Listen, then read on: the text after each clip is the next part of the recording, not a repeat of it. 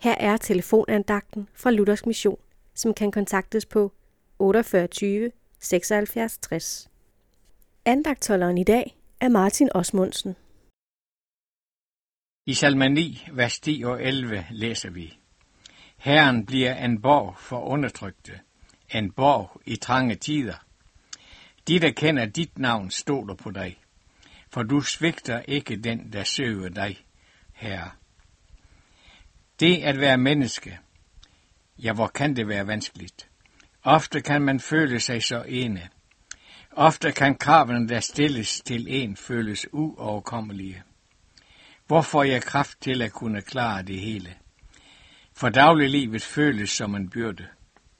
Hvor kan jeg få hjælp? Hvordan kan jeg få mod? Selvom David var konge, så følte han det så ofte på samme måde. Men her kommer han med sin og mange menneskers dybeste erfaring. Han søgte sin hjælp hos Gud. For ham var Gud en borg.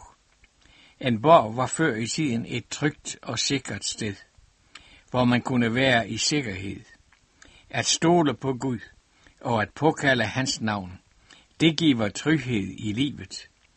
For når man søger Gud, så er man aldrig alene, og han svigter aldrig.